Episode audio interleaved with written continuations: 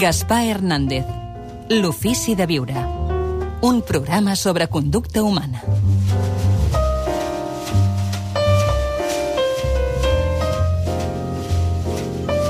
Obrim el bloc de notes. Àlex Rovira, ben retrobat. Molt Què bona tal? nit. Molt bona nit, Gaspar. La setmana passada parlàvem d'aquests paradigmes de dominació en l'empresa.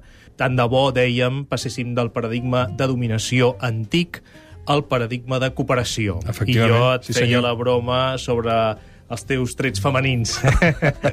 Els trets caracterials. Exacte. Els trets caracterials. I, I- que, i, que, i- I que compartim, perquè tots els que estem en aquest món de la pedagogia emocional i social, jo crec que tenim aquests... Tenim aquests... trets comuns, efectivament. Jo diria que sí. Doncs bé, i avui volíem parlar precisament de la inundació emocional, d'aquest concepte. Va sortir la, el darrer bloc de notes, diguéssim, col·lateralment, però crec que és un concepte interessant. Què és la inundació emocional? És la por, fonamentalment dels homes, a veure's superats per les seves emocions. Perquè, clar, aquí també hi ha hagut, en l'inconscient col·lectiu, han flotat molts tòpics. Històricament, com que de Déu, plorar és de, de dones... És de dones, com Sí. que mostrar els sentiments és d'afeminats, com que mostrar la feblesa o el- la dubte o el por o la por és de dèbils, Sí. I per tant hem de ser tots... Eh... Hi havia un control Els de homes les forts, no? emocions, no? que no vol dir una bona gestió de les emocions, sinó un control I una prohibició. i una repressió. Exactament, Sí. això és molt important. I saps què és potser molt important, Gaspar? Com de vegades també eh, orientem el bloc de notes des d'una finalitat no només divulgativa, sinó orientada a l'acció. Clar, les emocions són una informació valuosíssima. I, per tant, si una persona, perquè no ha tingut aquesta educació emocional o aquest permís, inhibeix l'expressió de les seves emocions, no està donant una informació fonamental a la persona que té al costat. O reprimeix les que li arriben, no? Exacte, és a dir, tu com a empresari, quan tu et truca un client emprenyat, saps, Clar. tens molta informació. Moltíssima. És que és el que parlàvem a micròfon tancat abans de, del bloc de notes. És a dir, imagina't, si, la, si les emocions són importants, que si et truca un client emprenyat, o un client frustrat, o un client trist, dius, no, escolta, a mi no m'expliqui les seves emocions, no m'expliqui... Això no m'interessa. Mm, Vull que em digui què ha passat fredament. T'estàs perdent molta informació. Perquè, essencialment, a més, les persones funcionem a partir d'un- filtre emocional. En el fons instintiu del nostre ésser, no pensem, sentim estem fets d'emocions. I al llarg dels segles, d'alguna manera, ens hem, ens hem em, forçat, i això ho diu la Elsa Ponset molt bé en el seu llibre, um, Brújula para navegantes emocionales, durant segles ens hem esforçat en tancar-les en un sistema de vida ordenat i repressiu. I davant d'això només podíem o resignar-nos o rebel·lar-nos.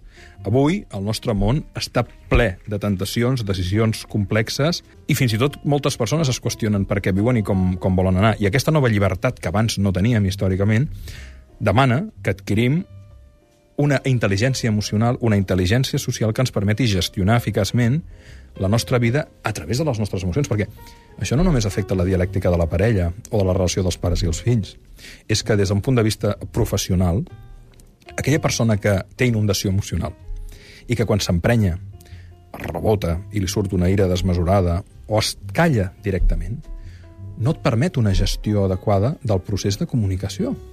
Per tant, és un gravíssim problema, això de la inundació emocional, perquè se sent desbordada, no sap com expressar-se i o sobrereacciona amb violència, amb enuig, i a més traient de la motxilla coses que no tenen res a veure amb la situació que s'està posant sobre la taula i dius, què ha passat aquí? Això aquí ha esclatat? Aquí hi ha sang i fetge per tot arreu. o això, o aquell que senzillament es calla, baixa el cap i dius, però escolta, digue'm alguna cosa, i no diu res. I això que fa que es podreixi, que es faci malbé la relació, a qualsevol nivell, client-proveïdor, entre socis, però també, evidentment, amb, amb la dimensió de lo- de lo- de lo- de les- de l'afecte, dels amics, de la parella. Aquí tenia bona fama, sempre ha tingut bona fama, donar a entendre les nostres emocions, expressar-les al camp de futbol. I la resta de la setmana, doncs, els homes... Tenia bona fama l'emprenyament, com si diguéssim, Eh, no? eh. Emprenyar-se sí, però la resta no. Això ho deia molt bé en Nicolau Casaus, que era, que era, que era d'una economia, jo el recordo com, com una persona extraordinàriament afable, i ell deia, diu, el, funció, el futbol té una funció essencialment terapèutica. Si no fos perquè hi ha aquesta vàlvula de sortida, molts homes acabarien fent un infart. perquè senzillament on treuen la ràbia, on treuen la frustració, on treuen eh, la mala llet? En el camp de futbol, no? Uh, sense voler entrar en l'univers de l'ego, perquè també hi ha un ego social, hi ha una identitat social, una identitat col·lectiva que t'aixopluga i que et permet dissoldre les teves pors, les teves frustracions, les teves emocions no expressades, surt tot allà dins, no? I, i, i els de l'altre equip són l'enemic, i són el, el dolent, i l'àrbitre, si no ho fa com tu vols també.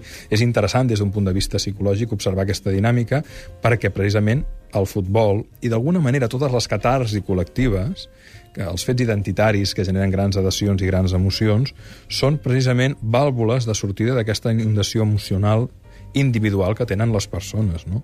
I fan una funció social i terapèutica molt necessària, perquè és que, si no, um, la persona a vegades se li pot anar, anar a l'olla i generar un problema gros, eh? Recordo que l'Ofici de Viure que tenim ja més de 500 programes a internet que podeu escoltar quan vulgueu a través del vostre reproductor MP3 o de l'ordinador, tenim alguns programes dedicats als homes que també ploren. Els homes també plorem. Eh? Això és un bon títol per un llibre. Àlex, moltíssimes gràcies. Com tu, com, vull dir, a tu i com sempre. Que estic molt content d'estar aquí, Gaspar. Igualment. Que tinguis molt bon cap de setmana. Molt Fins divendres.